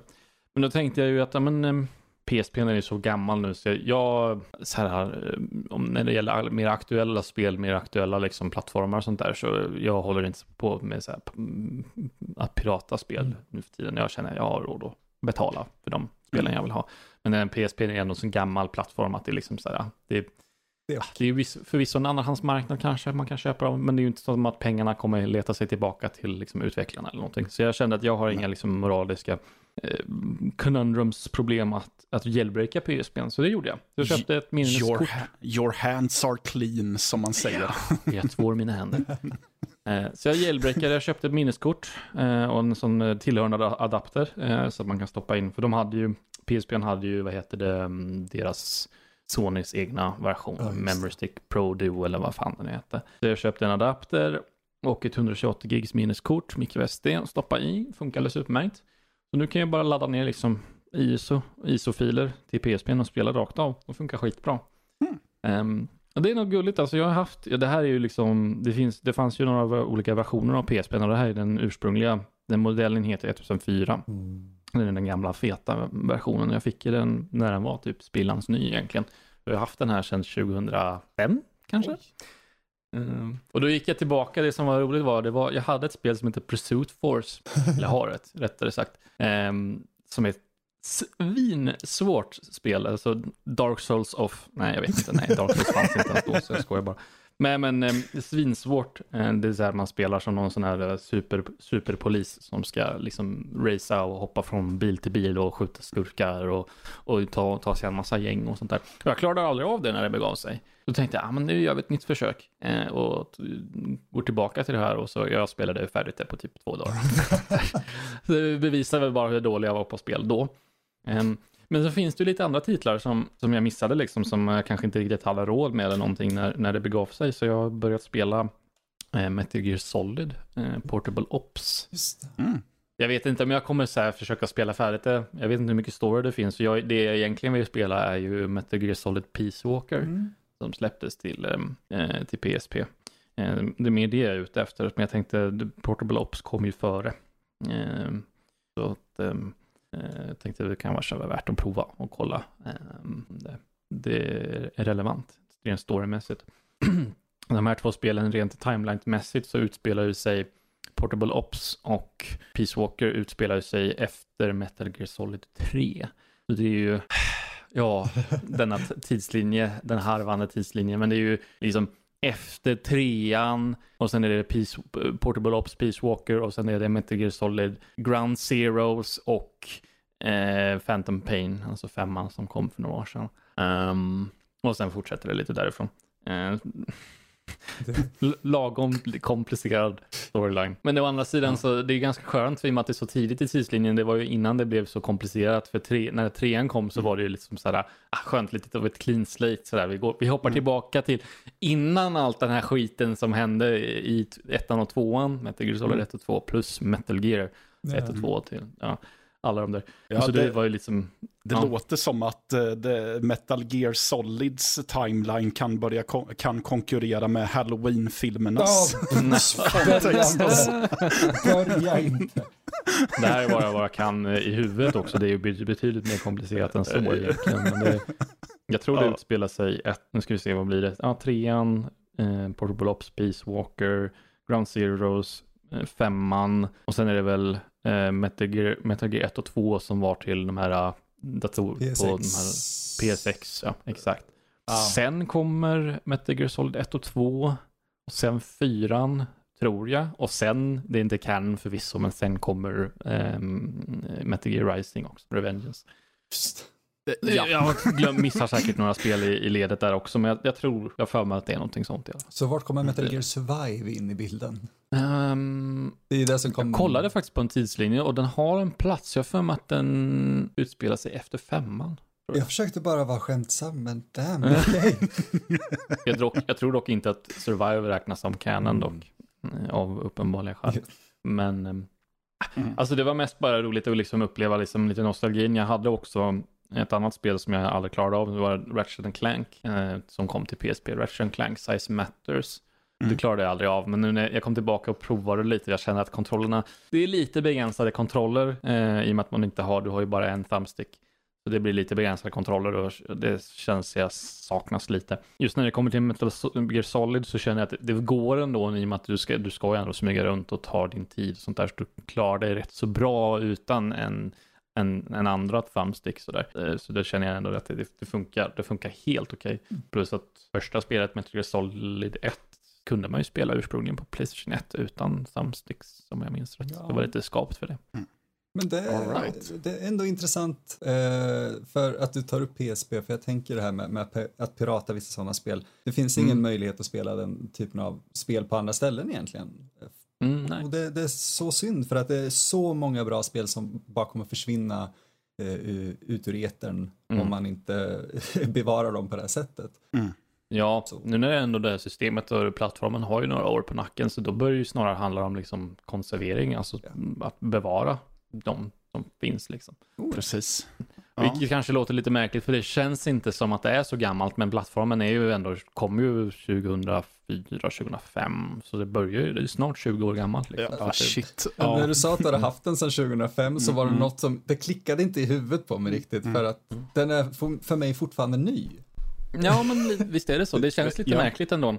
Och visst, alltså spelen är ju lite åldrade och det märktes tydligt för det här Pursuit, Pursuit Force som jag hade. Ja, om jag minns rätt så kom det väldigt tidigt i, i liksom, den kom väldigt tidigt i, i livscykeln om man säger så och den har väldigt grova prestandaproblem. Mm. Eh, vilket är roligt när man ska spela och köra en snabb bil och sen så helt plötsligt så orkar inte riktigt spelet med längre och bara eh, sackar ner totalt. Men däremot, det finns en uppföljare som jag dock inte vet om jag är så intresserad av att spela egentligen. Men mm. det finns en, en uppföljare till Pursuit Force som kom några år senare och den är betydligt mycket mer, alltså där märks det att det var ju bara rena, eh, ren optimering som behövdes, det inte begränsningar, hårdvarubegränsningen i sig som var problemet. Mm. Um, plus att det, som en sista punkt, liksom, det är på något sätt så är det mysigt att gå tillbaka till den eran av spel innan det blev den här extrem, extrema kommersen. Det var liksom lite innan det, det var ju stort då också, men det var innan det så växte så här explosionsartat. Och det märks lite i speldesignen, liksom, för hur, liksom rent på, på ett mer filosofiskt plan, if you will allow me, att spelen fortfarande var tänkta som att de skulle vara kompletta. Liksom. Mm, det ja. skulle vara en komplett upplevelse. Um, och liksom att det gärna skulle klämma in så mycket um, content som man rimligtvis kunde. Liksom. Om man tar Pursuit Force som exempel, så visst, du har de här jag kommer inte ihåg hur många uppdrag det är. Jag tror det är typ 30 uppdrag eller någonting. Som man ska ta sig igenom. Men du har ju också så här time trials och race och allt möjligt och grejer att låsa upp och grejer. Så det känns, upplevelsen känns rätt så komplett liksom. Mm. Um, och färdig, klar um, och så. Det var rätt så skönt liksom på, på ett sätt och man slipper det här med som man har idag med early access, ofärdiga spel, games as a service, spelen som ska fortsätta, fortsätta utvecklas hela tiden, sådana där saker. Ja. Så det var lite mm. skönt att blicka tillbaka på en enklare tid. Det var bättre yeah. förr. Precis. Fick du det sagt också? Mm. Skriver under. ja, ja, ja, ja. Nej, jag bara tänkte, jag, har en, jag kan göra en kort anekdot med min lilla, mm. mitt förhållande till PSP. Mm. För det, det, är en sån unik tid i mitt liv som, eh, det, det, bara skedde en gång egentligen. Och det var eh, sommaren 2008. Mm. Jag och mina vänner har klassat det egentligen som den bästa sommaren vi någonsin haft. och, och, och, det var helt underbart. Vi hade jobb, vi hade pengar, vi, vi, alltså vi, vi fyllde 18, livet började på ett annat sätt om man ska säga. Och en av grejerna vi gjorde var att åka på eh, Peace and Love Festival i Borlänge som en stor musikfestival. Och en stor anledning till det var att eh, Sex Pistols spelade faktiskt. Och det var ju en enorm upplevelse att se i sig. Och en av mina vänner hade ett PSP som han då hade jailbreakat. Det, eh, det var ju fortfarande spel som såldes då, mm. så det var inte helt reko, men jag kan erkänna det nu, jag säger inte vem det var heller. Men han hade lånat mig sin PSP och vi emulerade mängder av spel och grejer, alltså även Playstation 1-spel och sådär. Men en av sakerna vi gjorde och eh, som är viktigt till just att vi var i Borlänge var vi åkte egentligen upp till festivalen utan att ha någon koll på eh, boende eller någonting, någonting. Vi bara åkte upp, sen vandrade vi genom Borlänge under natten när festivalen var klar och vi gick och la oss till slut utanför eh, tågstationen och bara väntade på tåget hem och då plockade vi fram PSPn som jag hade fyllt med eh, 480 360 videor på eh, ett par säsonger av Scrubs. Mm. Så vi låg på trottoaren, inte ens perrongen utan på trottoaren på, med våra väskor och tittade på Scrubs på den här lilla PSP-skärmen. Och jag värderade minnet så, så otroligt mycket. Uh, och det är egentligen den lilla anekdoten för att, jag vet inte, det, det, det, känns ja. fint, tack. Ja. Mm. Mm. Uh. Det är roligt att du nämner den här lilla skärmen för jag, nu igen, nu ser ni inte nu hur jag sitter, men jag får fortfarande känslan att man måste sitta med skärmen ganska nära ansiktet. Yeah. Ja, man kan inte riktigt sitta och sådär, till och med man är bortskämd liksom, man jämför med min telefon liksom, som mm. man har vid skärmen är nästan dubbelt så stor och förmodligen fyra gånger så hög upplösning eller någonting. Mm. Den har fortfarande uh, inte så roliga spel som PSP har. Ja. Mm. Det, man kan ju vända och vrida på det. Mm. Ja, jag hade ju en grej just när det kom till skärm där, för jag och en kompis hade en podd tidigare där vi utmanade varandra varje vecka med att ta spel och dylikt. Och då skulle jag spela A Link to the Past, tror jag att det var, mm. på mm. Gameboy. Och eh, jag hade ju glömt bort det här med Gameboyen. Det, alltså, det var inte ens Gameboy Color tror jag. Inte om det var Link to the Past. Uh, måste nej, det varit Link to the Past måste vara Gameboy Advance. Ja, ja, jag kommer inte ihåg riktigt. Men eh, jag hade ju glömt bort det här att uh, du måste sitta under ganska bra ljusförhållanden för att kunna se ja, någonting. Det. Så det var väl ett rude awakening för, mm. för mig där. När jag tänkte, ja. men det är väl bara att dra igång där och sen, jag ser inte ett skit för det är för mörkt. Så långt hade ju tekniken kommit åtminstone med PSP, att den har en skärm som löser upp av sig själv. Ja, precis. oh, jag ja. minns, jag hade också ett Game Boy Advance, jag hade massa tillbehör, extra batteripack och en lampa som lös på skärmen och grejer. Underbart. Mysigt. Jag har fortfarande kvar mitt original Game Boy faktiskt. Uh, jag tror inte jag kan se någonting på det om jag inte riktar liksom en så här enormt stark lampa rakt ner i mm. den. Till och med då kommer jag fortfarande så här, vad, är det en skugga eller är det en pixel? jag har ett sista ämne som vi kan klämma in Mattias, om du känner att vi orkar. Ja, ja men det, det Jag kom på det vi. nu att jag, jag har mm. inte skrivit upp det, men jag har kollat på en, en till, en liten miniserie på HBO som heter Rogue Heroes. Känner ni till? Nej. Nej. Um, jag har fattat det som att det ska vara en miniserie. Jag, jag lyckades läsa mig till så ska det bara vara en säsong med sex avsnitt och jag har sett fem. Så jag får väl anse att jag har kommit nog långt. Men det handlar om i alla fall brittiska specialstyrkor, SAS, när de i deras begynnelse i Nordafrika, där de är och slåss under andra världskriget. Um, I och med att den är så ny och sånt där och jag ändå vill rekommendera den så behöver vi inte gå in på några spoilers. Men det, det, det jag vill liksom ta upp är ändå stilen och stuket, för det är så här väldigt brittiska, extremt brittiska karaktärer. I och med att det är britter allihopa liksom och lite så här, ja det är ju lite blandat Commonwealth folk med mm, irländare, britter, austra, australienare och sådana där, sådana människor. Men det är extremt excentriska brittiska karaktärer och det tycker jag är jätteroligt och det är en, en viss typ av humor. Det är BBC som har gjort den. Mm. Um, så att den har ju eh, eh, högt koncentrat av brittisk humor om man säger så. ja, jag, Men också... Jag ja. gillar ju posterna de har till, eh, mm. till serien. De var riktigt snygga tyckte jag. Mm. Ja. Mm. Eh, men också liksom valet av musik, det är en lite blandning, det är gammal, det är gammal rock, det är lite ACDC, men det är också lite punk. Så det, mm. de, har lite, de har lite Clash också, vill jag minnas, är med som musik. Så det, den, har, den har en väldigt, det, är inte nästa liksom Band of Brothers eller något sånt där, i och med att det ändå är en andra världskrigets serie liksom. Den försöker inte vara så seriös. Den har sina seriösa stunder också, det har den, och den kan liksom stanna upp och liksom sådär, om det händer någonting all, dramatiskt eller allvarligt. Men för det mesta så har den en, en, en, en, en väldigt unik stil För det, hela tanken bakom det här var ju att de, de har massa folk, soldater inom den brittiska armén som inte riktigt passar in någonstans för att de är lite galna och de inte riktigt kan följa order. Ja, men då samlar vi ihop dem i en grupp, kastar ut dem i öknen och så får de skapa kaos bakom fiendeslinjen. Liksom. Det, det är liksom hela tanken med det hela. Så jag kan, jag kan rekommendera den starkt. Jag tycker den var skitbra eh, hittills. Ja, TV-miniseries, ja men då så, då är det en miniserie. ja, det jag gick igång på mest det var att du nämnde kombinationen eh, humor och eh, extremt brittiska karaktärer. Yes. Så, för det, jag, jag, har, jag upptäckte det, jag kommer inte ihåg vad det var som gjorde att jag insåg det, men jag insåg ganska nyligen att det är någonting jag går igång på väldigt mycket. Mm. Tveklöst. Den, Mm. den finns på HBO, jag rekommenderar den starkt. Det verkar som att den har fått bra mottagning på IMDB, så har den 8,2, vilket ändå är ganska högt betyg för att vara IMDB. Definitivt. Det kan jag väl hålla med om.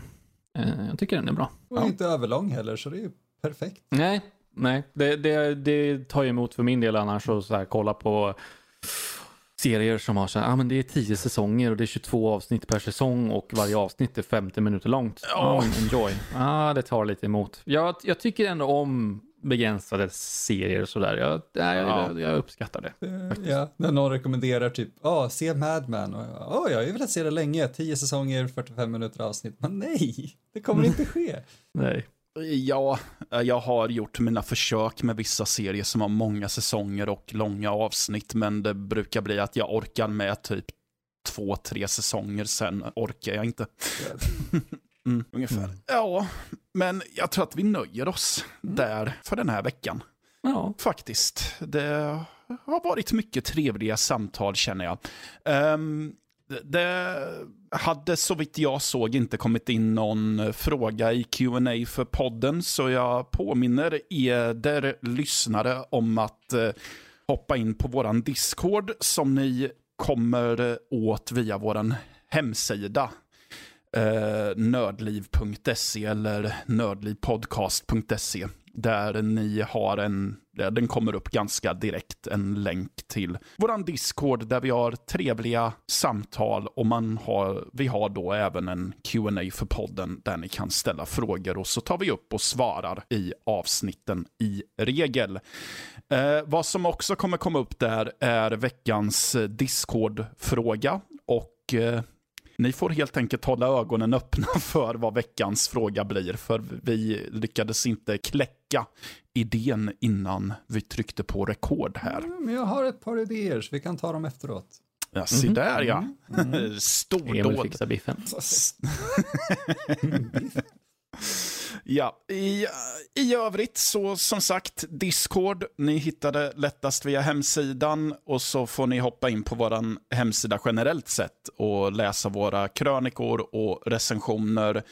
Ni får gärna gilla oss på Valfritt Instagram. sociala medier. Eh, ja, vi heter Nördliv där, eller Nordliv får man nog skriva vid några, eh, Nordliv tror jag. Mm. Nordliv SC. Och så har vi ju, ifall ni vill komma i kontakt med oss så gör ni det lämpligast via våran mail info at nordlivpodcast.se. Så ja, tar vi det därifrån helt enkelt. Ja, det var väl allt helt enkelt. Jag tackar Karl och Emil för att ni ville göra detta avsnitt med mig. Varsan till.